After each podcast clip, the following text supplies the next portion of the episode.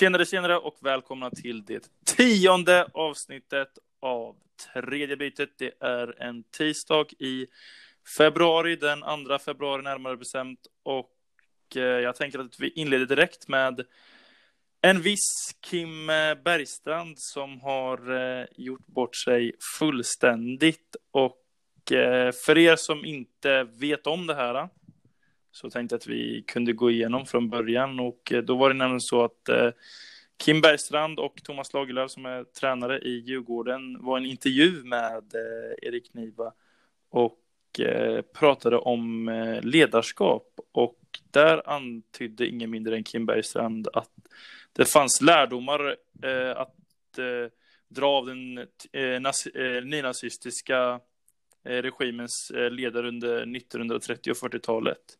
Eh, och då citerar jag honom rakt av. Man kan säga vad man vill om några hemska, hemska människor som levde i Tyskland på 30 och 40-talet. Men det fick folk att göra saker i detta sammanhang. Metoder och sådant kan man väl diskutera, men det finns säkert saker som det också gjorde som man kan ta lärdom av eller hur man, eller hur man inte ska göra. Men jag tror att man överallt kan leta ledarskap, menar Bergstrand i intervjun. Eh, detta har eh, chockat många, eh, kanske mest Marcus Lirpa Larsson. Vad har du att säga? Nej, alltså det här kan nog vara det sjukaste, eller det mest bisarra jag någonsin hört. Alltså, en fotbollstränare säga och det, det är så absurt att han så här, han får frågan liksom, eller jag vet inte vad, exakt vilken fråga han får. Men det är så här, okej, okay, nu kom på något exempel för, för ledarskap. Och då är det så här, nej, då hittar man den, äh, vad fan, jag refererar till Nazityskland. Och det, det är så stört. Ja, alltså det, alltså det som jag tycker är, alltså som är absolut mest skumt är att det, man kan ju hitta ledarskap överallt. Så vem tar ledarskap från Nazityskland? Det är väl det som är allra längst ner på listan. Och ja. Eh, ja, men jag kan inte dra någon större slutsats än att han, jag vet inte, han bara fick ett pling i huvudet och ja, det bara slog slint totalt liksom. Ja, man kan ändå förstå honom på något sätt, eller så här, om du sitter liksom eh, på heta stolen så att säga. Du behöver hitta liksom ett exempel. Eh, och så liksom hugger han tag i första han liksom kommer på. Men det känns ju som att han måste ju ha känt där någonstans i den här liksom eh, 20 sekunderna att fan den här, jag borde, borde fan inte gått så här långt liksom. För att han, han försöker ju stänga till det så snabbt han kan. ja, man märker ju, man märker ju på honom att han, att det är så här, eh, han han tar upp det först att ja, det kan, det kan, eh, man kan hitta bra sidor från dem också. Eh, och sen lägga till, ja, även dåliga. Liksom. Man märker redan där att han bara, ja, det här ja. kanske inte var bästa spåret att börja på. Nej, men precis. Och så försöker han rätta till spåret hela tiden. Och så blir det bara ännu mer skit. När han säger, ja, metod så kanske man inte ska, ska, ska, kan man ju diskutera. Men eh, det finns väl säkert som, saker som man eh, kan ta lärdom av. Eh, och inte ta lärdom av. Eh, så att det var, eh, man, man förstår ju någonstans hur han kom in i, i det spåret, men jag tycker att han borde, han borde ju lämnat det när han liksom uttrycker första tre, två orden där. Eh, men han sa ju även det, jag såg det bara rubriken eh, på den när han talade ut om sitt uttalande, att han, han borde aldrig ha öppnat den dörren och det känner man ju lite eh, rätt, rätt, rätt smart av honom. Att komma till den eh, otanken. Eh, men sen var det, när vi satt och snackade om det så eh, var det du som sa det så här, fan, borde inte han bli cancelled nu? Ja, men alltså hade det varit i Tyskland hade han ju blivit cancelled alla dagar i veckan, eller? Ja, ja, och då så här.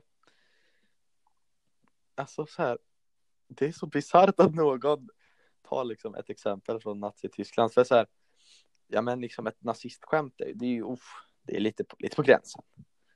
Lite djupa vatten.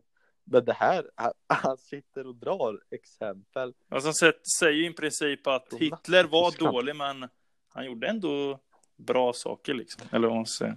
Ja, och det är så här, det kan man ju säga om liksom så här. Alltså, ja men folk som inte mördar människor men som så här. Det gick inte skitbra för dem eller liksom så här. Ronald Koeman i Barca liksom. Åh, han, han, han ville någonting men det blir ju inte Ja, jo, liksom. ja, det jag kan vi menar. Man kan inte dra den åt liksom en massmördare. Alltså det, ja men det är som, i, alltså när man väl tänker på det, ja, det är så jä, alltså det är så, ja men alltså att man, att man ens kommer där och att liksom att man inte, att han inte kommer på en, en eller tio minuter senare att vad fan var det jag sa precis? Och att liksom Ja. någon har väl gått igenom det där en gång till. Hur kan man inte känna att är det där borde vi nog, eh, det borde vi nog ta om. Men alltså samtidigt känner jag liksom, ja det har ändå rikt, alltså det, eh, jag, alltså det har ändå riktats en del kritik mot typ eh, ja, Erik Niva och Thomas Lagerlöf och typ Aftonbladet. Eh, samtidigt kan jag känna att i stundens hetta så mm, blir det nog att liksom jag vet inte, men jag kan känna igen mig i sådana grejer, typ när man gör en intervju själv, att man typ inte lyssnar på det ordentligt. Och sen lite senare eh, inser man att vad fan, vad, vad fan var de sa? Och det måste ju vara precis det som hände med eh, Kim Bergstrand också. Ja. Nej, men alltså. Hur, vad- hur gick hans tankar undrar man ju, så här liksom när han är klar med intervjun och traskar hem där. Alltså slår tanken han innan liksom rubrikerna kommer ut Mm. så att säga. Slår tanken han. Vad fan satt jag precis och exemplifierade Mm, Nazityskland? och man undrar ju om, alltså, satt Kim Bergstrand och kollade på en jävla dokumentär om eh, Förintelsen och andra världskriget kvällen innan typ? Eller alltså för, alltså han måste Ja. ju få upp, man måste ju fått upp, alltså han måste ju fått upp eh, den tanken, alltså någonstans ifrån. Ja.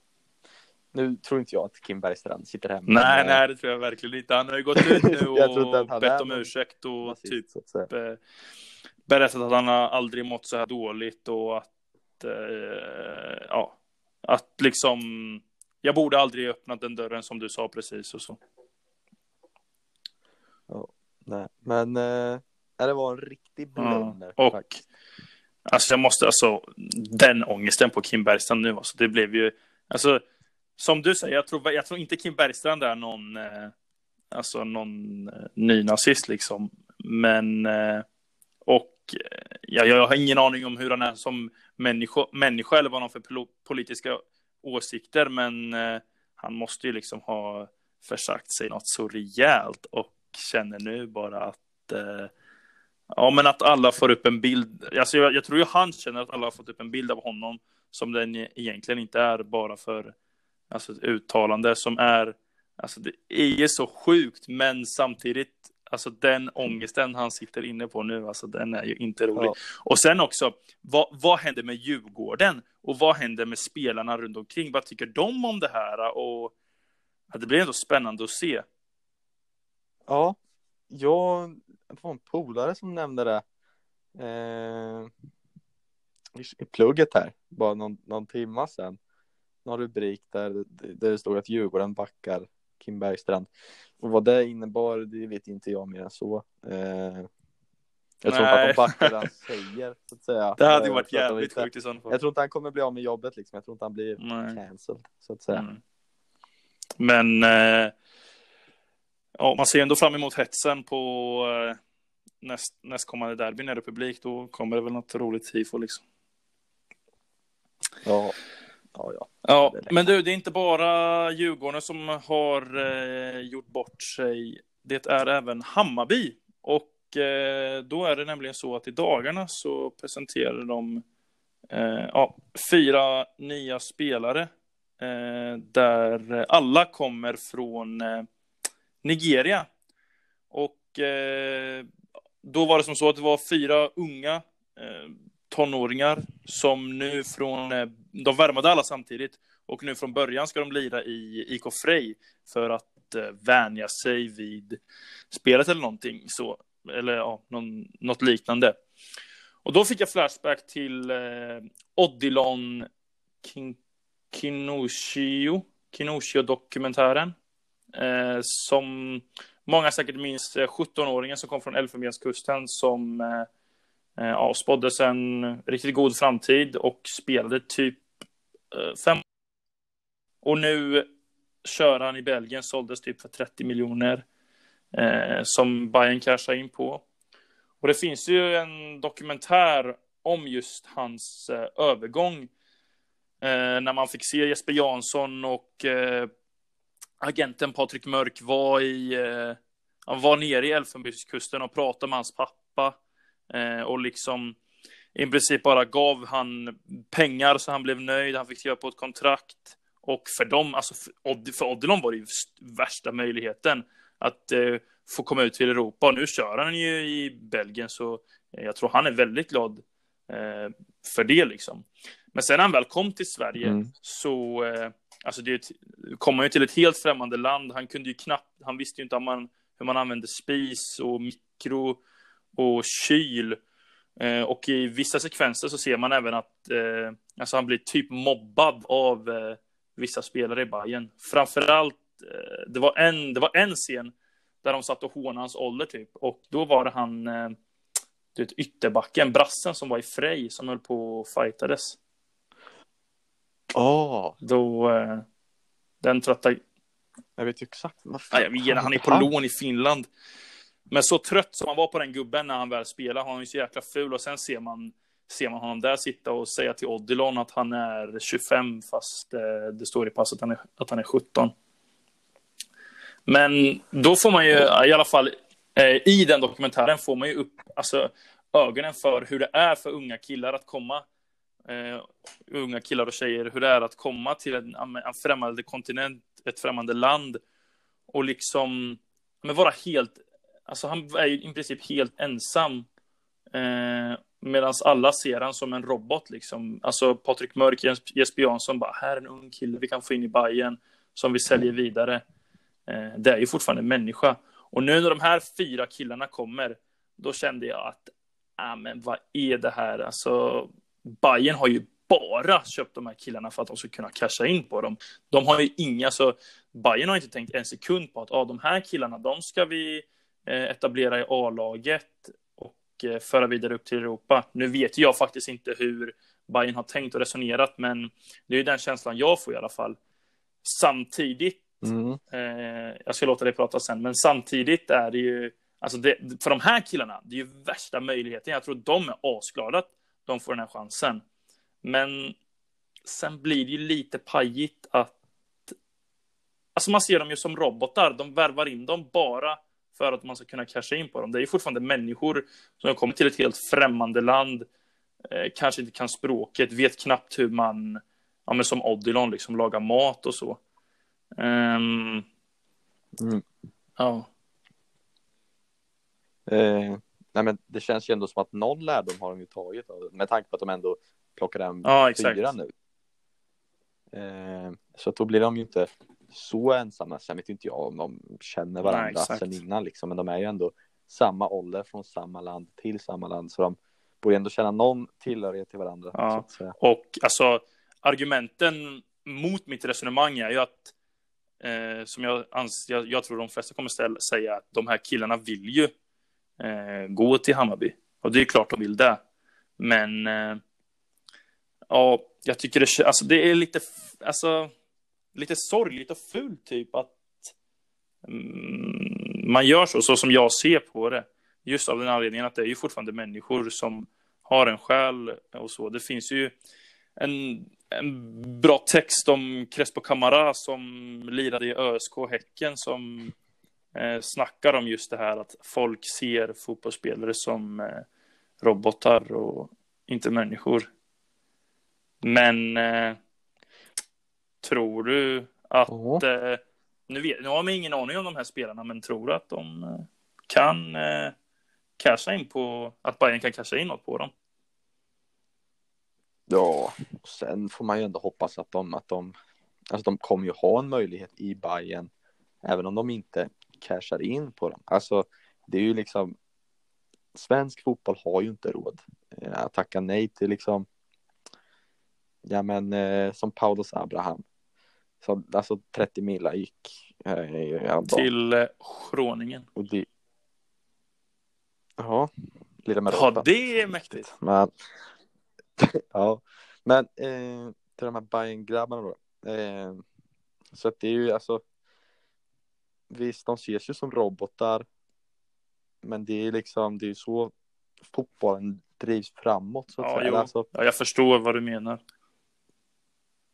ja, någonstans. Eh, och att, eh, ja, alltså Bayern tjänar pengar på det. De tjänar ju pengar på det, eller jag vet inte. Ja, men som du säger, att de är liksom en möjlighet för att spela fotboll och få pengar, eh, bra pengar för det liksom i Sverige. Tror jag inte de i sig liksom, ja, tycker det är någonting dåligt så att säga. Eh, Ja, men alltså, eh, alltså som du säger, det viktiga, alltså jag hoppas att Bayern har kommit på någon, någon slags lösning. Nu värvar de ju fyra stycken, så de kanske är polare. Det är ju, det kanske är en lösning i sig. Eller att man har någon typ av tolk eller någon, ja men, någon som liksom introducerar Sverige för dem. För att, för det man såg i Odilon-dokumentären var verkligen att han, ja men han visste inte hur man skulle laga mat och så, var i princip ensam och kunde inte språket så bra och alltså jag själv, hade jag hamnat i den situationen, jag hade mått, alltså jag, jag hade känt mig så liten om jag drog till Afrika eller Asien och kommer till en helt ny, alltså kulturell, det är inte, eh, kulturell, kultur, eh, där jag inte förstår språket och eh, hur det fungerar. Men eh, ja, vad vet jag egentligen? Bayern kanske har värsta lösningen för de här fyra grabbarna. Ja. Ja. Nej, det får vi hoppas i alla fall. Både för Men för- eh, om, innan vi släpper Bayern eh, så kan vi ta upp lite ja, roligare saker. Eh, jag häromdagen satt jag och lyssnade på eh, Studio Allsvenskans eh, avsnitt där de ja, hade som ett reportage med Astrid Selmani. Och eh, ja, jag blev så övertygad av hans snack så att eh, jag tror att Bayern blir en av kandidaterna som krigar om eh, krigar om eh, SM-guldet. Nej, absolut. Det, det... Jag vet inte om jag, jag vågar säga det riktigt med tanke på hur det gick förra året. eh, Men jag tror definitivt Mm, Selmani för han är ju verkligen en sån eh, som, alltså, som jobbar så stenhårt liksom så att eh, men, Ja. Han kommer inte låta Nej, sig exakt. själv inte prestera, så att säga. Och det var ju inför den här säsongen så sa han ju det liksom att, eh, att han vill att han skulle Mm. vinna skytteligan igen. Eh, nu gjorde han ju kanske inte det, men han gjorde han ändå vann ju poängligan. Ja. Ja, men precis. Eh, så att, ja, och nu får han ju spela i Bayern som Mm. har ännu mer boll och då, nej, det känns som att det här, det här kommer bli riktigt Ja, bra. tillsammans med eh, Gustav Ludvigsson som är två ganska lika speltyper och ja, två väldigt generösa killar. Alltså ja, de kommer ju passa jättebra ihop. Ja, det tror jag med. Eh, och sen även han islänningen som var i eh, Peking, va? Eh, ja, det har han gått tillbaka? Eller, ja, de har ju haft väldigt många islänningar, men Skulason heter han väl? Han som var i Bayern gick till eh, Rostov. Vem Jaha, tänkte du på? jag tänkte ju på han eh. Ynglingen. Han kommer gå till Manchester United, eller? Ja. Ja. Ja, men det var det jag tänkte. Han har kört i, eh, jag ber om ursäkt, Fjulason. Han har ju kört i Krasnodar för fan med Claesson och grabbarna. Som sagt är det idag tisdag och det har spelats en hel del fotboll i helgen. Men framförallt har det ju spelats ett handbolls-VM. Och eh, ja, alla vet nog vad som hände i söndags. Vad gör en, eh, ett, en finalförlust med dig? Nej, det, det är ju hemskt. Eh, och så var det ju danskjävlarna som fick eh, gå iväg med guldet också. Ja. Eh, Jag är ju, alltså... Nej. Alltså nu... Eh, ja, nu, choke, nu choke jag sönder, men... Alltså Danmark i handboll, alltså det är något speciellt, men... Alltså den här jävla Mikkel Hansen, alltså jag tycker verkligen inte om honom. Nej. Dock ska jag säga att jag blev ju kär i en annan spelare där. Eh, Lirpa eller? ja, Lirpa. Han liknas ju mycket. Kan du berätta vem... Det där är ju en riktigt klassisk, eh, ja men en klassisk Lirpa. Kan du berätta Ja. för lyssnarna vad en Lirpa är? Och sen Lirpa. Det är en stor spelare som spelar mycket på eh, fysik så att säga. Lite buse. Och så är det ju ett måste att den ska vara nah, skallig, alltså n- dåligt hårfäste. Ja, något eh, däremellan. måste. Eh, och så ska den vara lång. Och då ser jag ju då, alltså när de sjunger eh, nationalsången där så åker ju kameran förbi en lång skallig pjäs som är något förbaskat lik Uno Lirpa. Vem är Eh, Uno Lirpa? Vem är Uno Lirpa? De som vet, de vet. Eh, nej, men det kan man inte, man kan inte säga vem Uno Lirpa.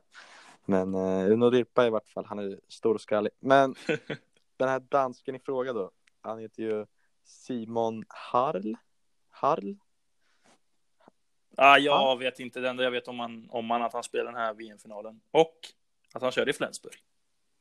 Och det hörde jag ju också där. Och, ah, alltså, vi har ju en liten kärlek för Flensburg, du och jag. Ja. Eh, och sen eh, när den här dansken går in då och väl spelar. Är han sämst? Han är inte sämst. Bara det att han missar tre rätt bra lägen. Eh, men han drar även på sig, eller alltså svenskarna drar på sig två utvisningar på hand. Och så avslutar han med, liksom det sista han får göra på planen är att han tar på sig en utvisning själv också. Mm, sen han alltså- bänk hela andra ja, perioden, vad man säger, halvlek. Ja. Och då är jag var så förbannat kär i han så att jag gläds ju han, åt han i vart fall, att, eh, att han fick det där guldet. Mm. Men eh, dessvärre förlorade Sverige eh, som vanligt känns det. Alltså, vi är inga handbollsexperter, men eh, nästan hela, mitt, hela min uppväxt när jag har sett handbolls-VM har det alltid känts som att antingen är Sverige dåliga eller så går man till final och så torskar man. Eh, nu är det väl bara OS. De, hade kom, alltså, de var i final, VM-final senast 2001. Eh, men de var i final 2018 och torskade mot Spanien. Nej, Mm. vi, vi kan för lite om handboll för att eh, prata om det. Men eh, ja, timmen efter Sveriges förlust så eh, spelade Mourinhos mannar mot eh, Brighton. Och eh, dessvärre för eh, Spurs del så torskade ju. Ja. Torskade de mot ja, ganska trötta Brighton. Mm. Och det alltså, det är ju en, ett resultat som inte är okej. Men alltså, tittar du på matchbilden, den matchen de gör, så är det ju inte heller okej. Alltså, ja, de var så stört dåliga. Mm. Alltså, jag har inte sett ett enda lag göra en så dålig match mot Brighton i år. Alltså inräknat Sheffield, Arsenal. Ja, alltså. Inget United som... där i början. Ja, United där i början. Men det, det var helt stört. Man blir utspelade av Brighton. Och visst, Brighton vill ju spela fin fotboll. Men det är liksom, man har inte alltså, en chans i första halvlek. Nej. Och alltså jag tycker faktiskt vi kan ta att eh, med av Tottenham. Visst, de var bra där i början, men eh, alltså insatserna de gör mot eh, eh, to torskar de någon mer match innan Liverpool? Det kanske de inte Eh, gjorde. Nej, de gick ju där från en vinst mot Sheffield. Ja, den prestationen var inte heller något, något att hänga i julgran. Men matchen mot eh, Liverpool här för eh, några dagar sedan. Jag tycker de gör en ganska bra halvlek, första halvlek, men andra halvlek är riktigt trött och eh, ja, men det är, en, det är ju samma visa varje år. Eh, att de är bra ibland och sen går det bara ut för Mm. och sen Kane med hans eh, fotleder. Eh, det, det går ju inte. Ja. Nej, men verkligen. Och det såg man ju mot Brighton. Alltså, Tottenham utan Kane, alltså, det, de får ju inget. Alltså, de får inte. De har ingen pjäs att liksom spela på, så att Nej. säga. blir väl Höjberg i sådana fall. Som drog till med en riktig smäll mot Liverpool. Ja, det ska vara sagt. Eh, den, det målet för övrigt. Tror du att det var, alltså anser du att det där är en bra träff eller en dålig träff? Jag säger att det är en magnifik träff. Att han... Det är en alltså, magnifik dålig träff. Förstår du vad jag menar? Ja, du har något i det du säger. Ja, för jag tror jag inte alls siktar eh, i högre klick, så att säga. Mm. Men eh, nej, magiskt avslut ändå. Eh, dock tror jag han, han skulle väl aldrig själv säga att han inte siktar högre klick. Men eh, det ser ju inte, ser inte ut som att han tänker fan här, bort det, hej då. Ja. Men eh, ja, som, vi, alltså, som sagt, alltså Spurs, eh, så sjukt tråkigt lag bara rakt igenom. Eh, alltså, ja, de har ju Bale där på bänken. Alltså, alltså vad, vad händer egentligen med Bale? Det var ju nu det skulle lyfta.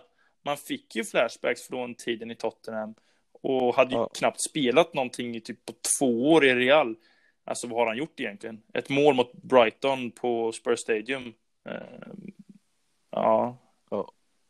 Nej men verkligen och det han fick ju gå in och ta den rollen som, som Kane hade och det är ju klart att det är, alltså, det är stora skor och, och fylla Kanes skor och han kan ju inte göra samma sak som Kane på samma sätt som Kane inte kan göra samma sak som han. Men ja, det funkar ju inte överhuvudtaget. Nej. Och eh, Alltså, när det kommer till just Kane och Son så känner jag att borde inte de fundera på att dra?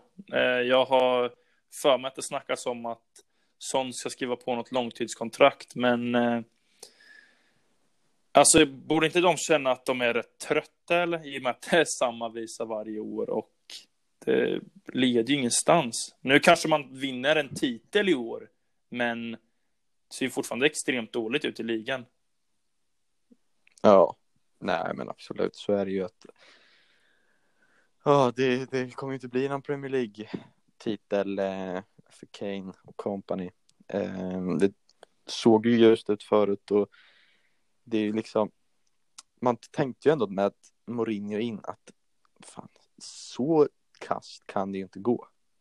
Och när det börjar gå knackigt då var det liksom så här, ja men det, det vänder liksom, hade man ju i tanke. Men det har inte vänt än.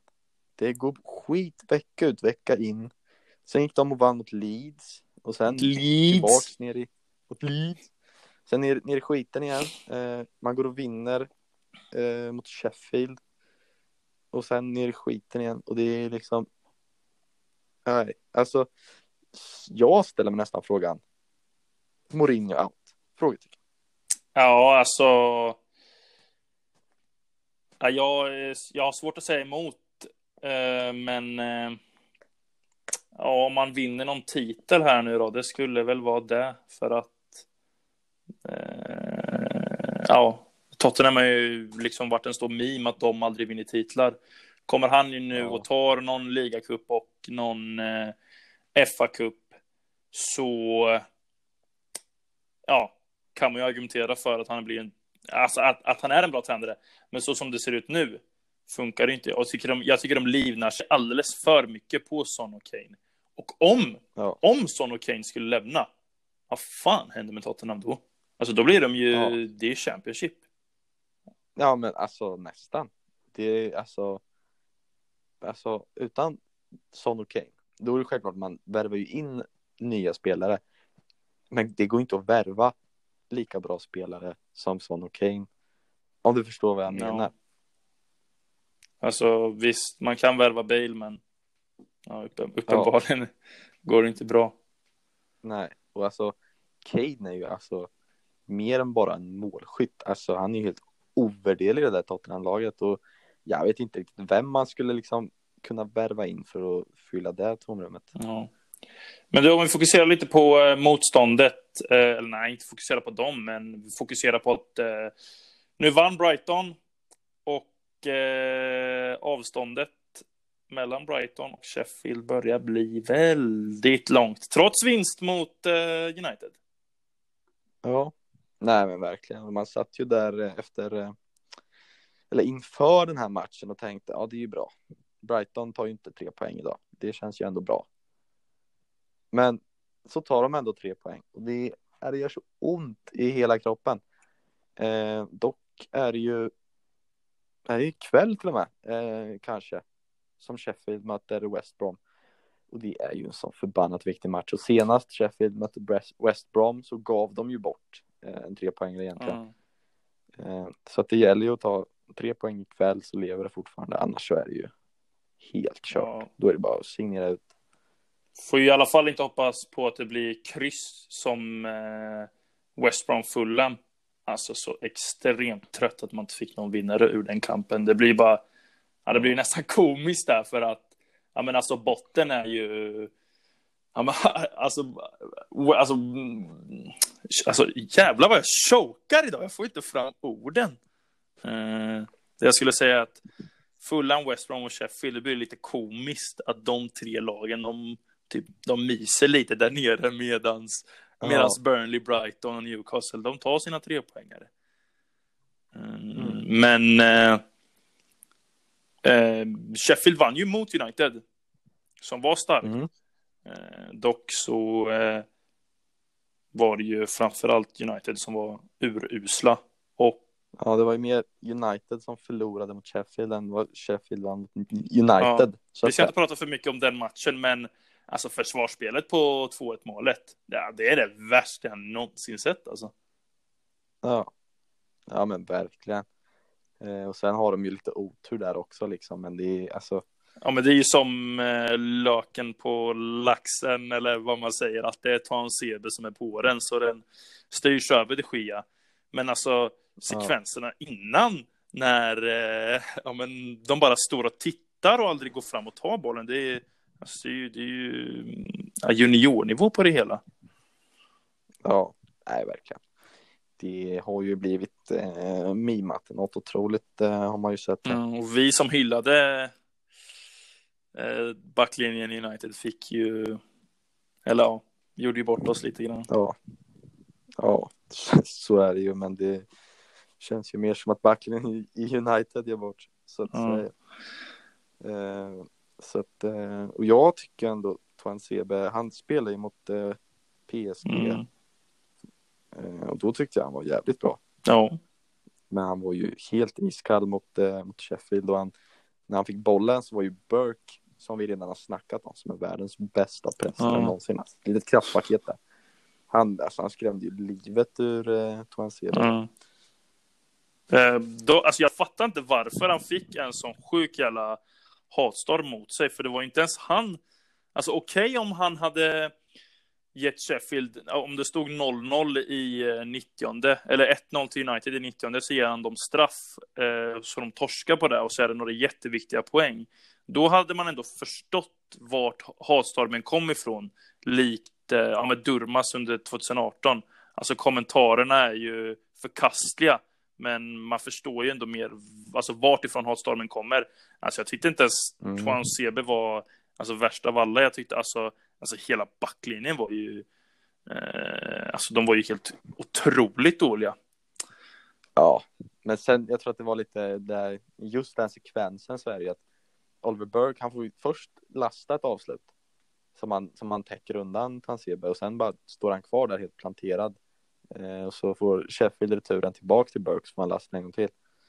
Eh, så att det må jag tycka är undermåligt försvarsspel. Men eh, absolut, de har ju tid att, att forcera in någonting där. Men det, det gick inte vägen. För. Ja. Men om vi rör oss lite högre upp i tabellen eh, jämfört med Sheffield så vann Liverpool mot eh, West Ham. Ja, samtidigt som eh, Sverige-Danmark så jag såg tyvärr inte matchen, men jag tycker ändå att det är värt att ta upp att Liverpool vinner, för jag tycker de har starkt psyke att de först slår Tottenham och sen vinner mot extremt starka West Ham som ligger typ femma just nu. Ja, alltså West Ham. Den dunderduon från Slavia Prag där. Kofall eh, på högerbacken och så har de ju Sotjek på mittfältet, den är ju oslagbar. Ja, alltså, jag tror jag nämnde det i ett av de första avsnitten, men West Ham har ju så otroligt fint lag. Och alltså jag är så sjukt kär i alltså firma Declan Rice och eh, Zuzek. Det är så två extremt bra innermittfältare. Ja. Och sen alltså, vilka jävla grabbar alltså. Dels Zuzek när han har det där. Potato. Eh, potatissallad, eh, very good, very good. Eh, intervjun, han är ju så jävla magisk. Alltså vilken mysig Ja. kille. Eh, och sen Declan Rice såg jag på TikTok häromdagen när han satt och hade en livestream med han som öppnar fotbollskort typ. Ja, han, eller eh, jag har sett på YouTube. Det är någon, alltså han öppnar som Ja. Fifa, eller han öppnar sådana klassiska fotbollskort eller som man hade när man var liten. Ja, eller typ så här klistermärken och fotbollskort och allt möjligt. Så att han satt och hade en live på TikTok tillsammans. Vilken jävla mysig Ja. kille. Alltså. Men om vi går tillbaka till Liverpool. Eh, Liverpool vinner med 3-1. Eh, Salah eh, gör eh, mål och sen var det några fler gubbar. Eh, de har ju haft problem med mittbackarna och nu är ju en kille från eh, Preston eh, intagen som jag tyvärr har glömt namnet på och eh, Kabak från eh, Schalke. Vad är det du skrattar åt? Eh, nej, men det är ju just att man eh, hämtar en mittback från sämsta försvaret i Bundesliga. Eh, Ja, det enda jag, alltså, jag, har sett, jag, sett, jag har sett honom lite grann. Han verkar ändå fin, men eh, det man minns framför allt av honom var ju att det var han som spottade på Ludvig Augustinsson efter, i typ andra omgången och eh, ja, blev, har varit avstängd. Eh, sen vet jag inte vad som Ja. hände efter det, men ja.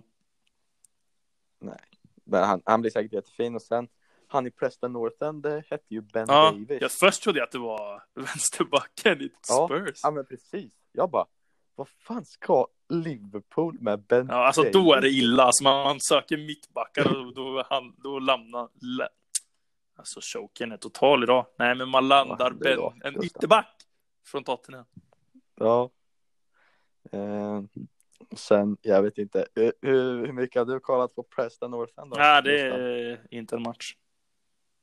Nej, De var ju nära han, på att eh, gå upp i Premier League eh, förra året, va?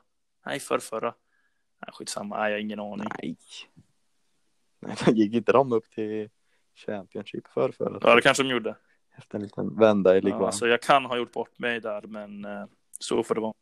Men eh, Så. jag, jag känner att eh, det viktigaste just nu för Liverpool är att man får in en mittback. Det behöver inte vara någon som är så sjukt bra, men man kan ju inte lira med Henderson och, och ja, Rhys Williams håller ju Nej. uppenbarligen inte. Dock Nej. tycker jag att han Philips-gubben är riktigt fin faktiskt. Philips Ja, men det, de har ju någon typ 98 som heter Philips som har spelat några matcher. Eh, 47. Ja, Du har inte koll på han eller? Nej. nej. Nej, men- jag har. Han har lirat några matcher och varit väldigt fin. Ja. Eh, jag, alltså, jag vet inte, men det är någonting med unga mittbackar som jag har svårt för. Alltså. Eller så här, det känns inte som att någon ung mittback är redo för att vara mittback. Typ. För att mittback känns ju som, det är en position där du måste ha, du måste ha lite erfarenhet och liksom lite så här kött på benen typ. Eller Ja, alltså om man, förstår. typ Joe Rodon i Tottenham. Ja, han...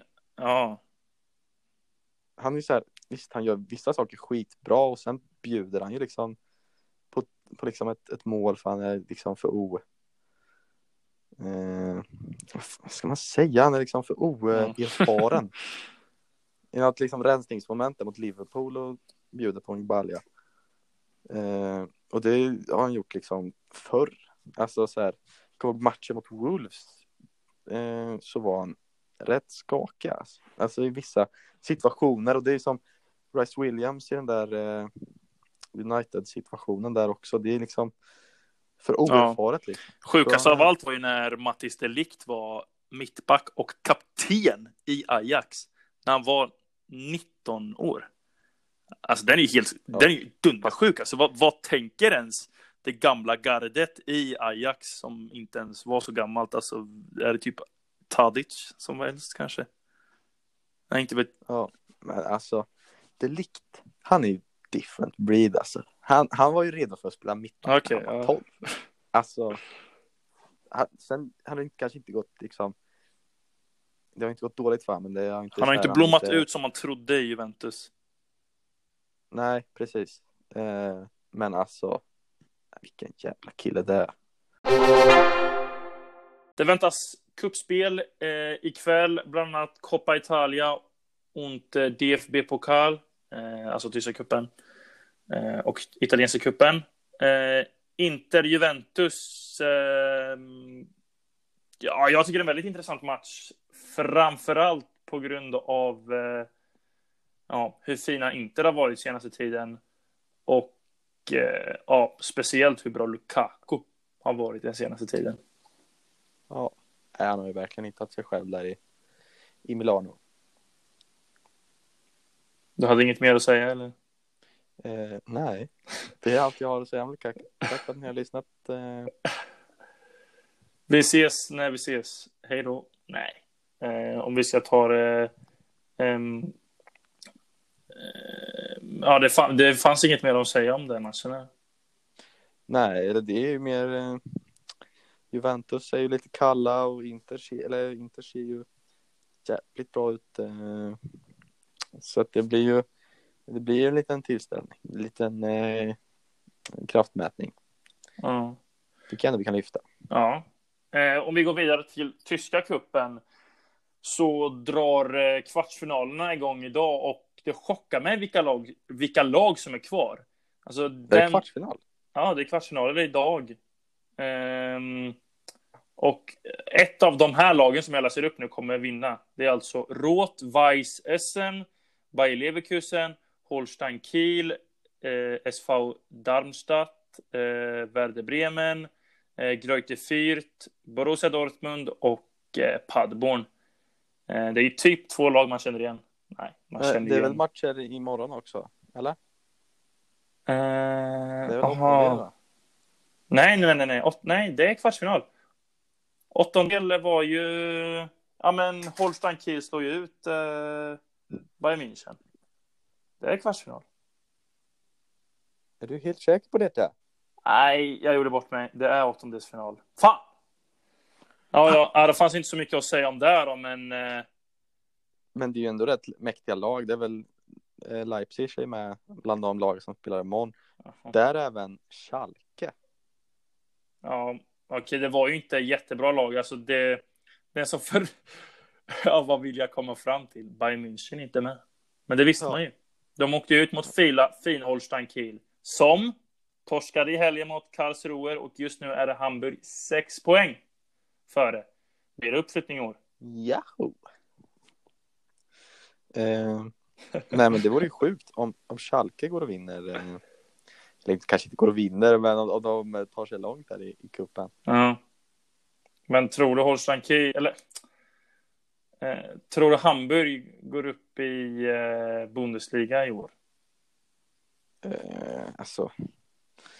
Ja, det gör jag väl för din skull men jag tror att de, har- de har ju tid att bottla där. Ja. De har gjort det förr, så att säga. ja. Övning ger färdighet Ja. så att säga. Men när det kommer till just Kiel, alltså det är ju så himla fint att de att, eh, att de vann, de slog ut Bayern München. Eh, omgången senare torskar de mot typ eh, Osnabrück som ligger i botten. Och eh, nu, sen dess har de typ vunnit en, kryssat en, torskat två typ. Det är ju mäktigt ändå. Ja, men det kan man ju ändå förstå. De är ju fortfarande bakis efter den eh, kvällen Ja. när de slöt Bayern där, kan jag tänka mig. FC Barcelona spelade igår, nej det var i söndags, mot eh, Athletic Bilbao. Gjorde en fin match och vann med 2-1. Eh, men det är väl inte det de flesta har ja, fokus på just nu. Eh, det jag har mest fokus på kring Barcelona just nu är ju alltså alla dessa skulder de har. De har ju upp, alltså uppemot 12 miljoner i skulder och eh, är värda några helt sjuka summor till eh, alltså andra lag där de har köpt ifrån.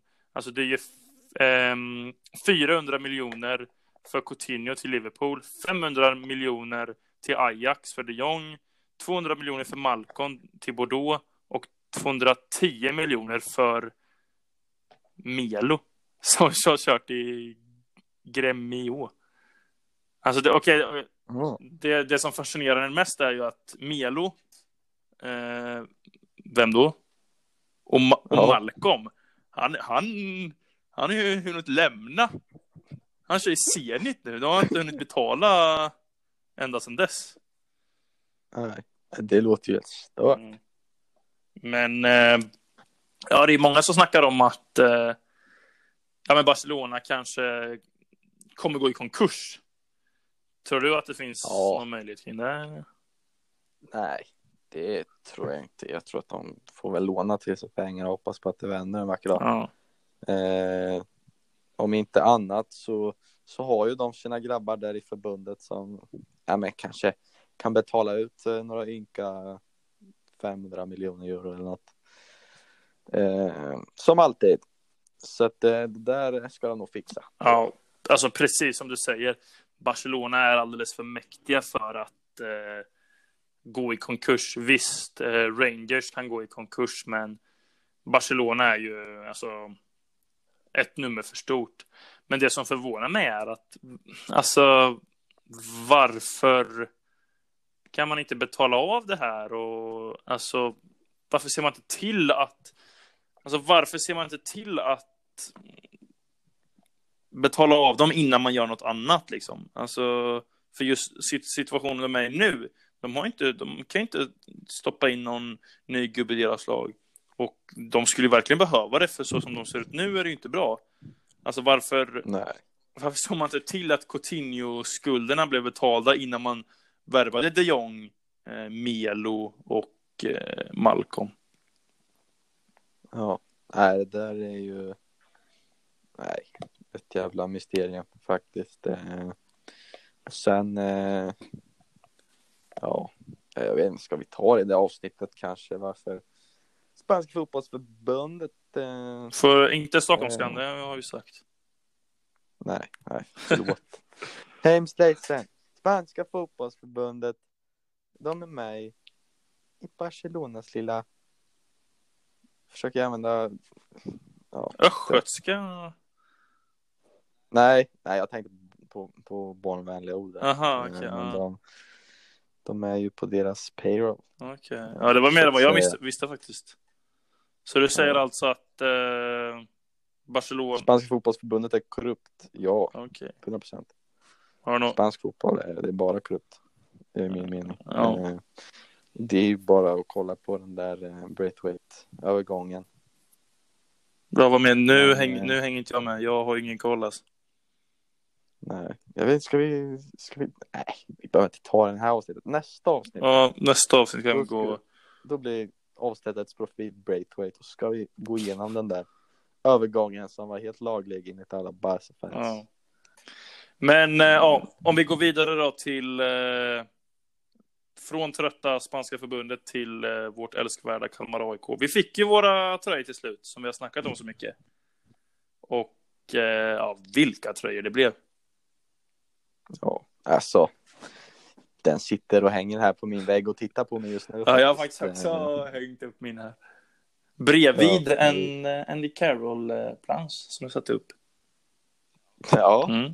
sätter upp den ny. då. Ja, ja, men jag hittade den. Morsan hade, eller eh, morsan hade varit uppe på vinden och eh, letat eh, gamla Yu-Gi-Oh kort för vi hade någon som skulle ja, spela Yu-Gi-Oh och då hittade hon alla mina gamla planscher och då låg Andy Carroll högst upp så ja, den var ju för fin Ja. för att inte sätta upp.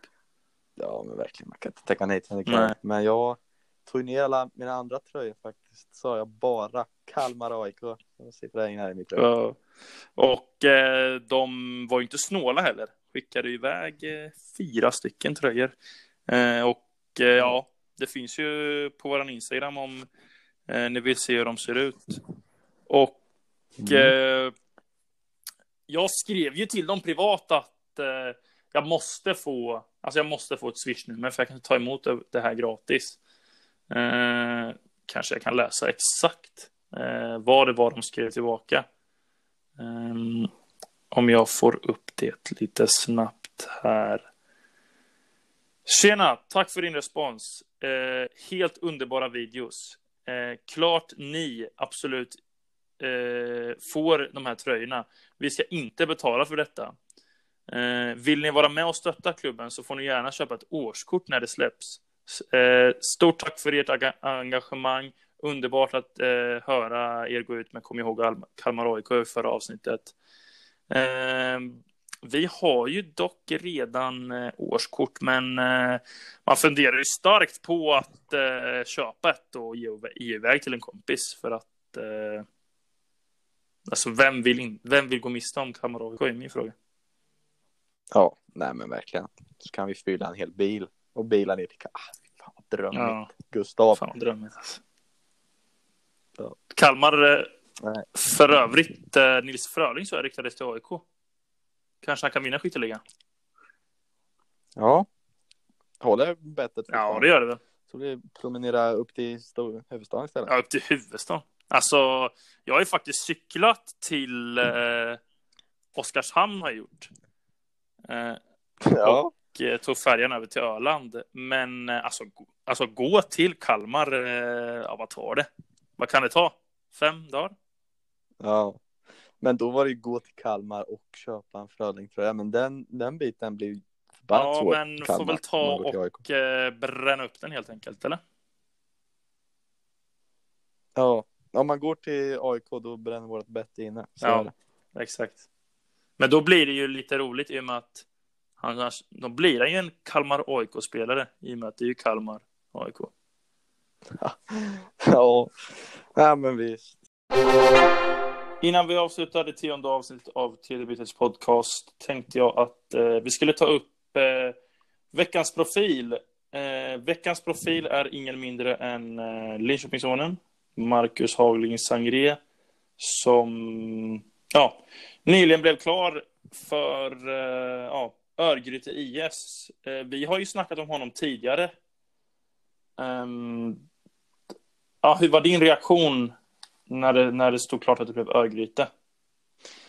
Eh, det var ju nästan eh, ett steg i fel riktning, må jag ändå påstå. Jag tycker definitivt han var, han var redo för, för allsvenskan. Eh, sen kanske han får mer, mer deg eh, hos Örgryte än vad han får i, i Akropolis. Men eh, nej, jag var lite besviken faktiskt. Ja, jag med faktiskt. Jag satt och snackade om Hammarby och Djurgården och eh, så blev det Örgryte. Uh, ja, jag blev i smått chock. Jag, skrev på, jag frågade på Twitter om någon visste varför och då har tydligen Örgryte fått ett nytt tränarpar som tydligen ska verka intressant. Men uh, alltså, alltså rent historiskt sett är ju Örgryte en mycket större klubb än Akropolis. Men det är ju en jättechansning. Örgryte var ju en poäng ifrån negativt kval till division 1. Oh. Men ja, vi får väl se hur, ja, hur det blir nu liksom. Ja, nej, så är det ju. Det bara, ja, man önskar han all lycka i världen. Ja, men om vi ska fokusera lite mer på hans karriär så började han i juniorlagen eh, i LFF och eh, BK Derby. Eh, det är ju två lag vi har bra koll på. Ja. Eh, var senare i Malmö där han inte riktigt fick det att lossna. Eh, och eh, nej, nu gjorde jag bort mig. Han gick, körde ju FK, FKL, eh, FKL Linköping eh, innan det blev Malmös juniorer. Eh, min, minns du FK Linköping eller? Nej, jag har en mössa med FK Linköping på. Ja. Annars ingenting. Alltså det är ju så, alltså för oss som är från Linköping, det, det är liksom, det är ju vardag att eh, det blir sådana lag. Nu ska ju AFK lägga ner till exempel, AFK Linköping, de lägger ner i år. Och eh, FKL Linköping skulle bli den, ja med stora satsningen, men ja, de la ju ner lika snabbt de eh, grundades. Men ja, det ska vi väl inte fokusera på. Var senare i Malmö, fick det inte att lossna, gick till MIF Motala i division 1. Eh, senare i Oddevold. Eh, liksom, eh, jag, jag minns att de åkte ner i division 2 när han gick till Akropolis och Oddevold. Så hade ett par riktigt tunga år. Och eh, ja, men som vi har sagt, eh, nu varit fantastiskt i Akropolis. Och som sjukt grinta på honom att kriga i de lägre divisionerna. Och två år i rad tror jag Akropolis gjorde en Hamburg. Att de eh, var så extremt nära på att gå upp. Men eh, torskade något kval och ja, men fick något för lite poäng. Men eh, ja, vi, vi, alltså du och jag tycker att alla Linköpings söner är, eh, är, är ju, bäst i världen. Ja, de är bäst i världen, det är ju våra gubbar. Ja. Dock har ju inte ett, inte ett hat, men ett litet agg mot Marcus Hagling Sangria har ju börjat eh, väckas lite för att eh, vi bad ju om en eh, intervju eh, till podden. Eh, om övergången, om eh, tiden i division 1 och hur det var att växa upp i Linköping. Men ja, ja han lämnar oss på read alltså. Ja, det är... man, man kokar ju innan bordet. det är ju det är ändå tredje bytet podcast vi pratar om. Ja, exakt. Så att, nej, det får han ta sig en tittspegel. ja, men om man, alltså, det kan inte varit jättemånga medier som, som ryckte igenom, eller? Alltså, jag har inte sett att Korren har gjort någon intervju. Alltså, inte ens Korren. Vem är det då? Alltså, ÖIS media, eller? Ja, Göteborgs-Posten. Ja, men typ. Och säkert en, en liten sida längst bak. Är ja. Men eh, nej, vi tycker han får ta sig kragen eh, så att eh, om någon känner för att skicka iväg en pik i hans riktning. Kör mm. på. Så länge det håller fint. Ja. Ser även att han fyller år om eh, två dagar så får vi riktigt eh, grattis till honom. Ja, Trots att han inte ville svara oss. Mm. nu tar vi det lugnt. Det är barn ja, som lyssnar. Så är det ju. Men eh, jag tycker eh, Sangria får bli eh, avslutet eh, på detta avsnitt. Eh, och så tycker jag vi kör. vi bestämde oss för Patsa Inter som avslutningssång, mm. eller? Ja, det, det tycker jag. Ja, det är riktigt fint dänga. Den hörde jag live för övrigt på Derby della Madonnina 2012. Eh, när jag var kär i Milan och eh, Zlatan eh, rullade i den och då, kom, då föll ju tårarna alltså. När lilla Gustav ja. Eh, ville se Zlatan. Var El Sharawi där också? El Sharawi var där men han var bänkad. Tyvärr. Mm. Men Vidar, rulla igång Pazza Inter så hörs vi. Ha det bra.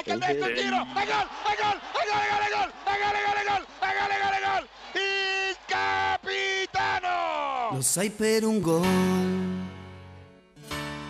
io darei la vita, la mia vita, che in fondo lo so.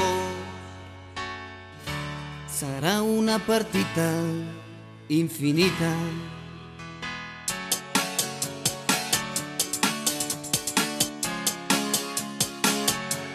il sogno che ho è un coro che sale a sognare, si aiuta la notte, 90 minuti per segnare, e nostri noi saremo.